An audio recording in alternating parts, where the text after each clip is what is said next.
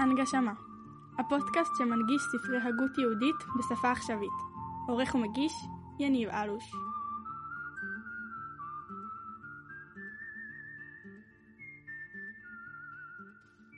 שלום חברות וחברים וברוכים השבים השבות למיזם הנגשמה. אנחנו בפרק ה-14 של ספר תומר דבורה.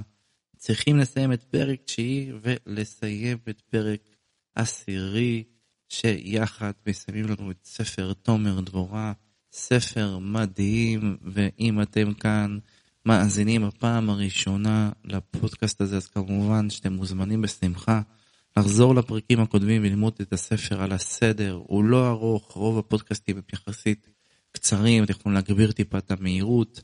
פה במיזם אנחנו קוראים את לשון המחבר, מסבירים את פשט הדברים, ובעצם לומדים חברותה ביחד, לא משנה איפה אתם נמצאים, בין פה בארץ, בין אם אתם בעולם, אנחנו זוכים ללמוד ביחד ולסיים ביחד כיף חברותה.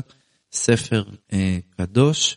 אה, אני אתן הקדמה קצרה על מה שלמדנו עד אה, כה, אה, למדנו על מידת הכתר, והרמ"ק העריך בה רבות, על בהתחלה הוא אה, כתב רבות על י"ג מידות של רחמים, מה זה כל מידה ומידה, איך היא פועלת בעולם, איך הקדוש ברוך הוא משתמש בה אה, כשהוא דן את עם ישראל, ואיך אנחנו אה, יכולים לפעול את המידה הזאת על ידי המעשים שאנחנו עושים. לאורך כל הספר זה התדר של הרמ"ק, בעצם להסביר לנו את הקיט הזה של ההנהגה האלוקית שאיתה הקדוש ברוך הוא מעניק את העולם, דיברנו על זה בפרקים הקודמים.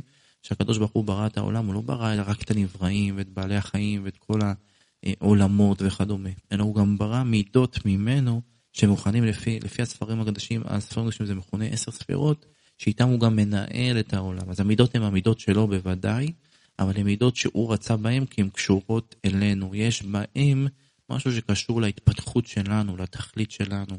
ולכן אנחנו צריכים לראות איך הקדוש ברוך הוא פועל, אנחנו לא יודעים להגיד בדיוק איך זה קורה, אנחנו לראות את התוצאה של הפעולה, פעלה עכשיו מידת הכתר, פעלה עכשיו בעולם חסד וכדומה, ולפי הפעולה שפעלה בעולם, עלינו בעצם ליישם אותה ולממש אותה. וספר תומר דבורה זה איזשהו ספר פרקטי שמסביר ממש איך, ל, איך אה, לפעול את המידות הללו בעולם, וזו הגדולה של הספר שלמדנו תוך כדי בלימוד של החברותה הזו.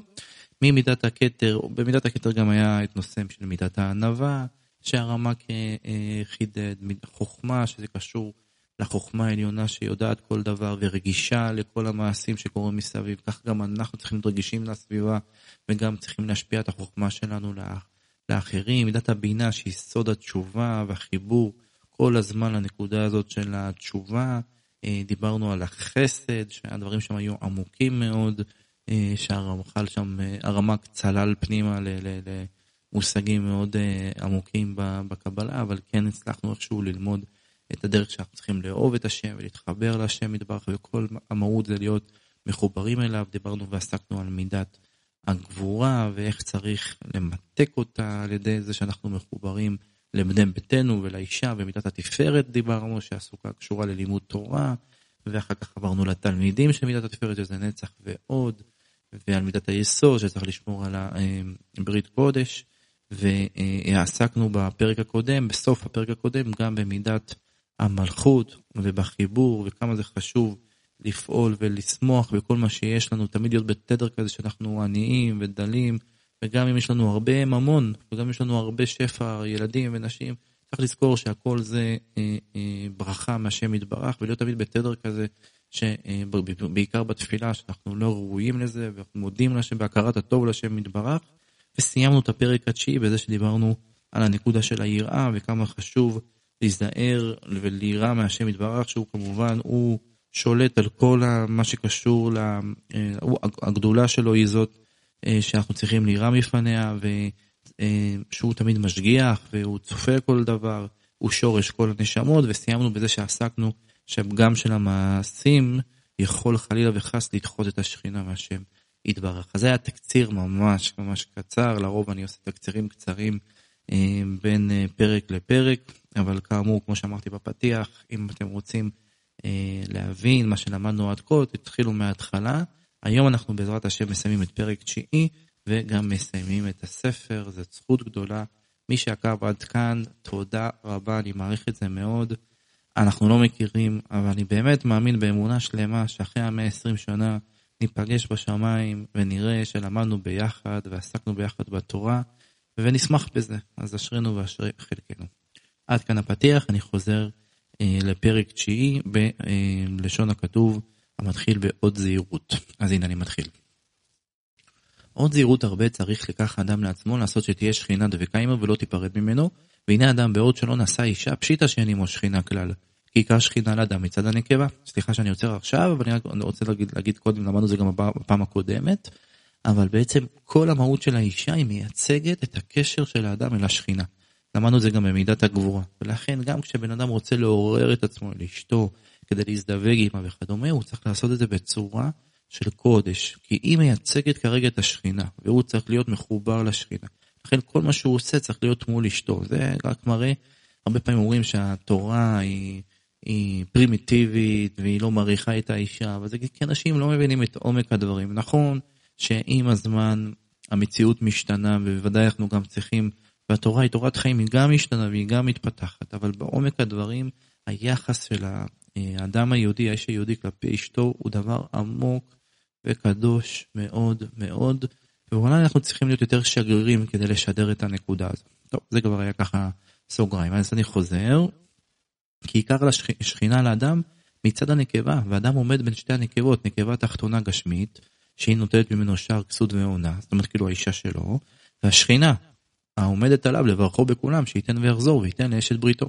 כי הנה התפארת שהוא עומד בין שתי הנקבות, אם העילאה להשפיע לו כל הצורך, שזאת הכוונה, הוא מתכוון פה לבינה, ואם התתאה לקבל ממנה שער כסות ועונה, הוא מתכוון פה למלכות, חסד דין ורחמים, כנודע ולא תבוא אליו שכינה אם לא ידומה אל מציאות העליון. טוב, אני אסביר את הדברים בלשון שלי, זה בעצם שאדם שנמצא בין שני המלכויות, כן, בין מלכות של למטה, שזאת אשתו, לבין המלכות העליונה, המידה העליונה שאיתה הקדוש ברוך הוא מנהיג את העולם, והוא צריך לזכור שכל הפעולות שלו זה בעצם להיות מחובר לשכינה, ולכן הוא פוגש את השכינה דרך אשתו, כמו שאמרנו מקודם. והנה, אני חוזר לשון הרמק, והנה לפעמים אדם פורש מאשתו, אחת משלוש סיבות, או שהיא נידה, והוא לא יכול להיות איתה. השנית, שהוא עוסק בתורה ובודל ממנה כל ימי החול. פה אני פותח סוגריים ואומר שאצל המקובלים יש מנהג לא להיות עם האישה, לא להזדווג עימה בימי החול, אלא רק בשישי שבת. השלישית, שהוא הולך בדרך ושומר עצמו מן החטא. בזמנים אלו השכינה דבקה וקשורה עמו ואינה מנחת אותו, כדי שלא יהיה נעזב ונפרד. אלא לעולם אדם שלם זכר ונקבה והרי שכינה מזדבקת לו. זאת אומרת, כאילו, האדם שמחובר לשכינה העליונה, זה אדם שגם בשלושת המקרים הללו, כשאשתו נידה, או כשהוא עוסק בתורה במשך השבוע והוא לא איתה, כן, למרות שהם מותרים, הוא לא מזדווג עימה, אלא רק בסופי שבוע כשהוא חוזר לבית, אז הם עושים את זה בקדושה, כמו שנקרא, הם כאילו מתחברים יחד בקדושה. אה, הנקודה הזו קורית, אה, ואו שהוא יצא לדרך, לאיזשהו מסע או לאיזשהו נסיעה, אם אדם מחובר למלכות, היא תהיה איתו. כאילו המלכות העליונה נשארת איתו. למה? כי לעולם אדם שלם זה זכר ונקבה. זה מדהים כמה זה חשוב להתחתן, כמה זה חשוב להקים משפחה, כמה האישה היא חשובה, כי אתה לא אדם שלם בלעדיה. אבל הנקודה שפה הרמק אומר זה שבעצם ההתחברות היא גם יכולה לקרות גם כשאתה לא נמצא ליד אשתך ממש. חוזר לשון הרמק, צריך אדם להיזהר שלא תיפרד שכינה ממנו בהיותו יוצא לדרך. ויהיה זריז ונזכר להתפלל תפילת הדרך ולאחוז בתורה. שבסיבה זו שכינה שהיא שמירת הדרך אומר, אומר, עומדת לו תמיד. בהיותו עוסק בתורה גם כן שכינה עומדת לו. בהיותו זהיר החטא ועוסק בתורה. וכן בהיותו אשתו נידה. שכינה עומדת לו כשומר הנידה כראוי. אחר כך בליל טהרתה או בליל שבת, או בבוא מן הדרך, כל אחד מהם זמן בעילת מצווה היא. ושכינה נפתחת למעלה לקבל נשמות קדושות, גם אשתו ראוי לפקוד אותה.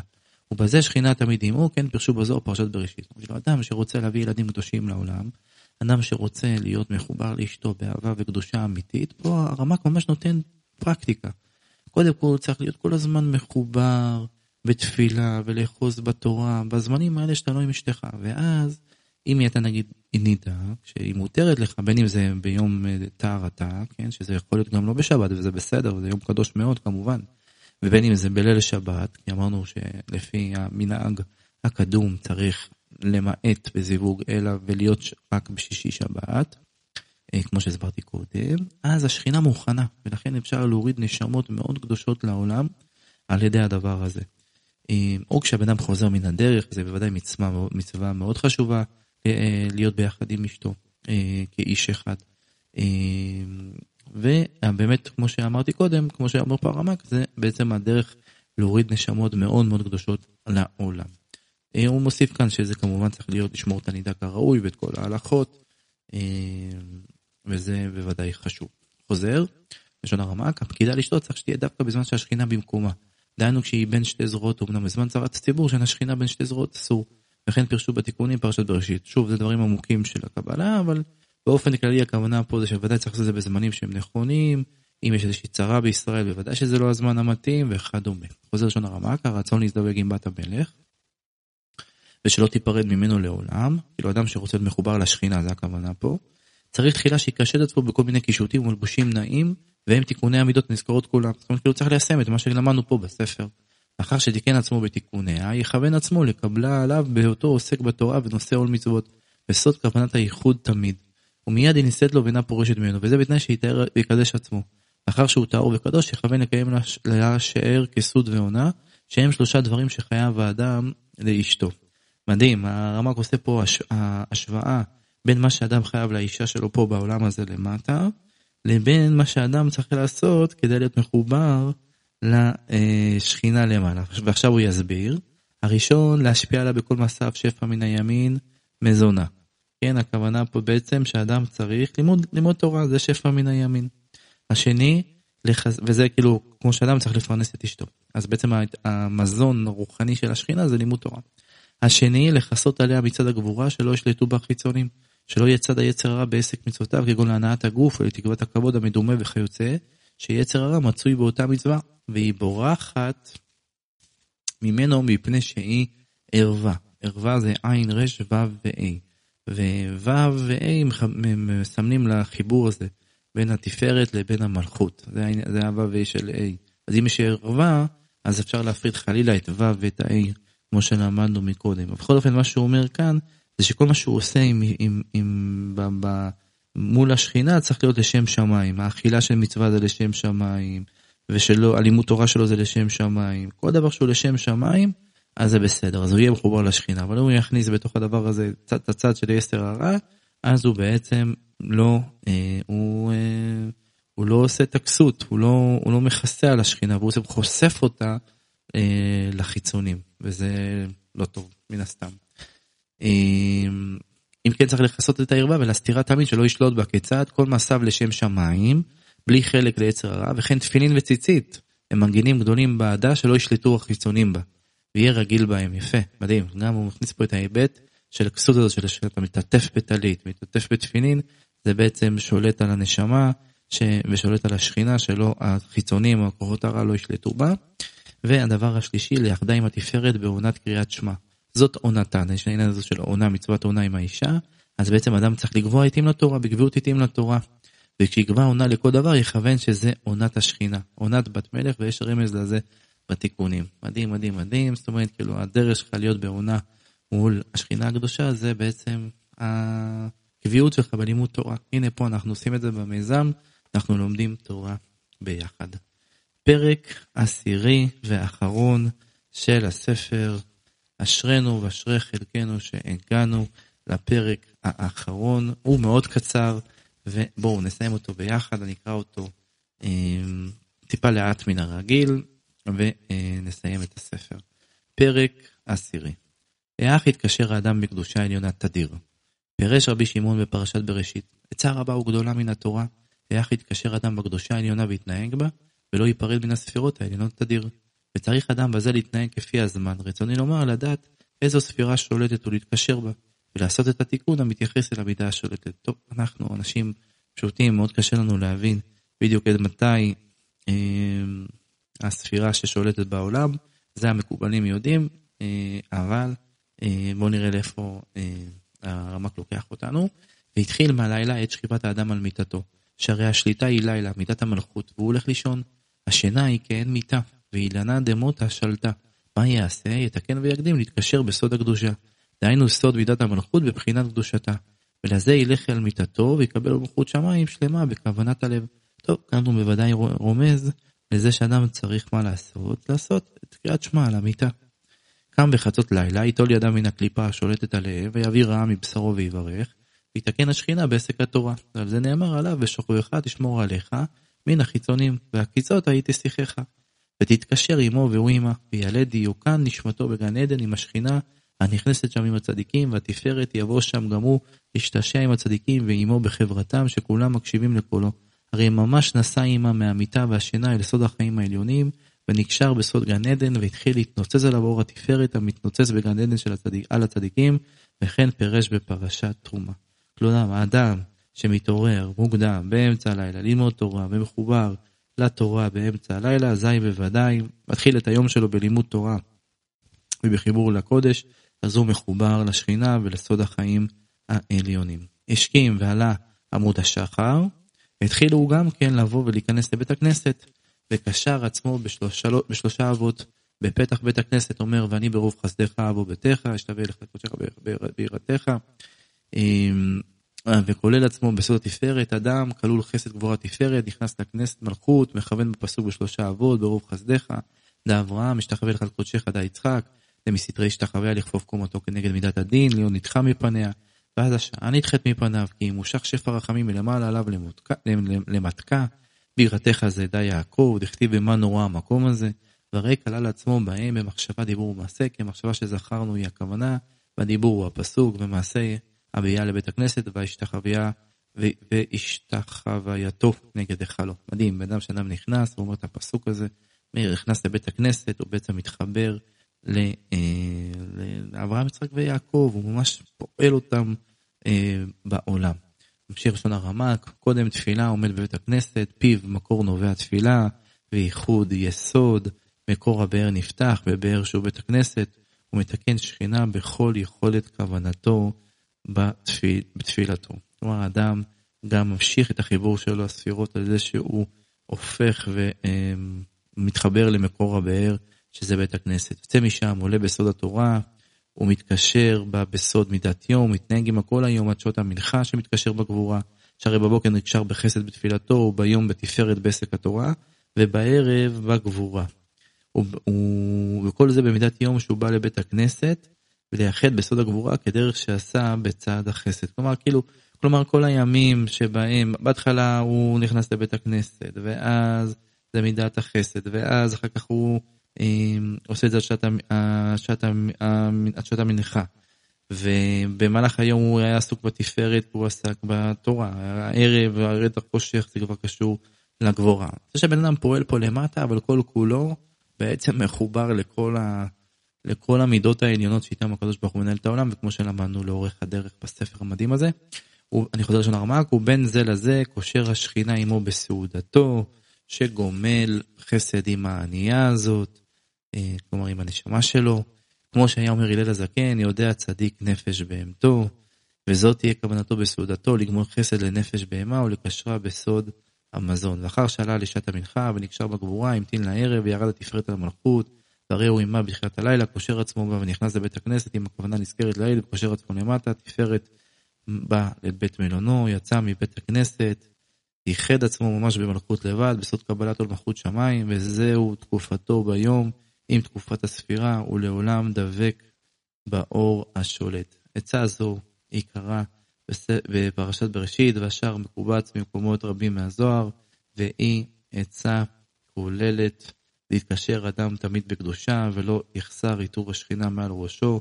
ברוך אדוני לעולם, אמן ואמן. עד כאן ספר הקדוש תומר דורה. יש כאן תפילה שאומרים אה, אחרי סיום ספר אה, תומר דבורה, זו תפילה שהיא יחסית אה, ארוכה, אנחנו לא נקרא אותה אלא רק נקרא ממש את הסוף שלה. הללויה, הללו אל בקודשו, הללו ברכי עוזו, הללו בגבורותיו, הללו גרוב גודלו, הללו בתק השופר, הללו בנבל וכינור, הללו בתוף ומחול, הללו במינים ועוגב, הללו בצלצלי שמע, הללו בצלצלי תרועה, כל הנשמה. תהלליה הללויה. אנא אדוני אלוהינו ולאבותינו, עשה למען רחמך וחסדיך, ולמען קדושת המזמור הזה, ולמען שלוש עשרה מידותיך ועשר ספירותיך, הרמוזות בו, שתחוס וזרחם עלינו, ותהיה השעה הזאת שעת רחמים, ועת רצון מלפניך, נקראיך ותעננו, נעתיר לך, ותעתר לנו. ואנחנו רוצים לתת צדקה לעילוי נשמת רבנו משה, רבי יעקב, קור דברו, על הספר הנפלא הזה שהוא עשה, ולמען עם ישראל שיצליחו ושאף אחד לא יצליח להזיק לנו. אנא אדוני מלא משאלות ליבנו לטובה, ותשלח ברכה והצלחה וברכה בכל מעשה ידינו, ומעפר עוננו תקימנו, ומאשפות דלותנו תרומנו, ותשיב שכינתך לעיר קודשך במראה בימינו אמן. עשה למען שמך, עשה למען ימיניך, עשה למען תורתך, עשה למען קדושתך, יהיו לרצון אמרי פי וגדול ליבי לפניך, אדוני צורי וגואלי. אשריכם חברים, תודה רבה חברותות יקרות שלי שלמדתם איתי את ספר תומר דבורה. סיימנו אותו ביחד לשם שמיים, ואני מקווה שהצלחנו לעשות נחת רוח לפני השם יתברך, וסיימנו את סדרת ספר תומר דבורה של הרמ"ק, רבי משה קור דברו. אני מזמין אתכם כמובן להאזין לשאר הספרים שאנחנו לומדים יחד במיזם הנפלא הזה. אה, אגב, אני ממש אשמח, יש, יש בפודקאסטים השונים, יש את המייל שלנו, של המיזם. זה הנגשמה, כמו שזה נשמע באנגלית, שטרודלג'ימל.קום. אשמח לשמוע לכם גם תגובות, חידודים, דיוקים, דברים שאולי אה, אה, צריך לתקן, לשפר. אה, אני אשמח לשמוע, וכמובן, כי הכל לשם שמיים ולעשות נחת לבורנו. אז אני הייתי יניב אלוש, ותודה רבה לכם על הסדרה הנפלאה הזאת של תומר דבורה, וניפגש בספר הבא. בשם השם נעשה ונצליח. הנגשמה הפודקאסט שמנגיש ספרי הגות יהודית בשפה עכשווית. עורך ומגיש, יניב אלוש.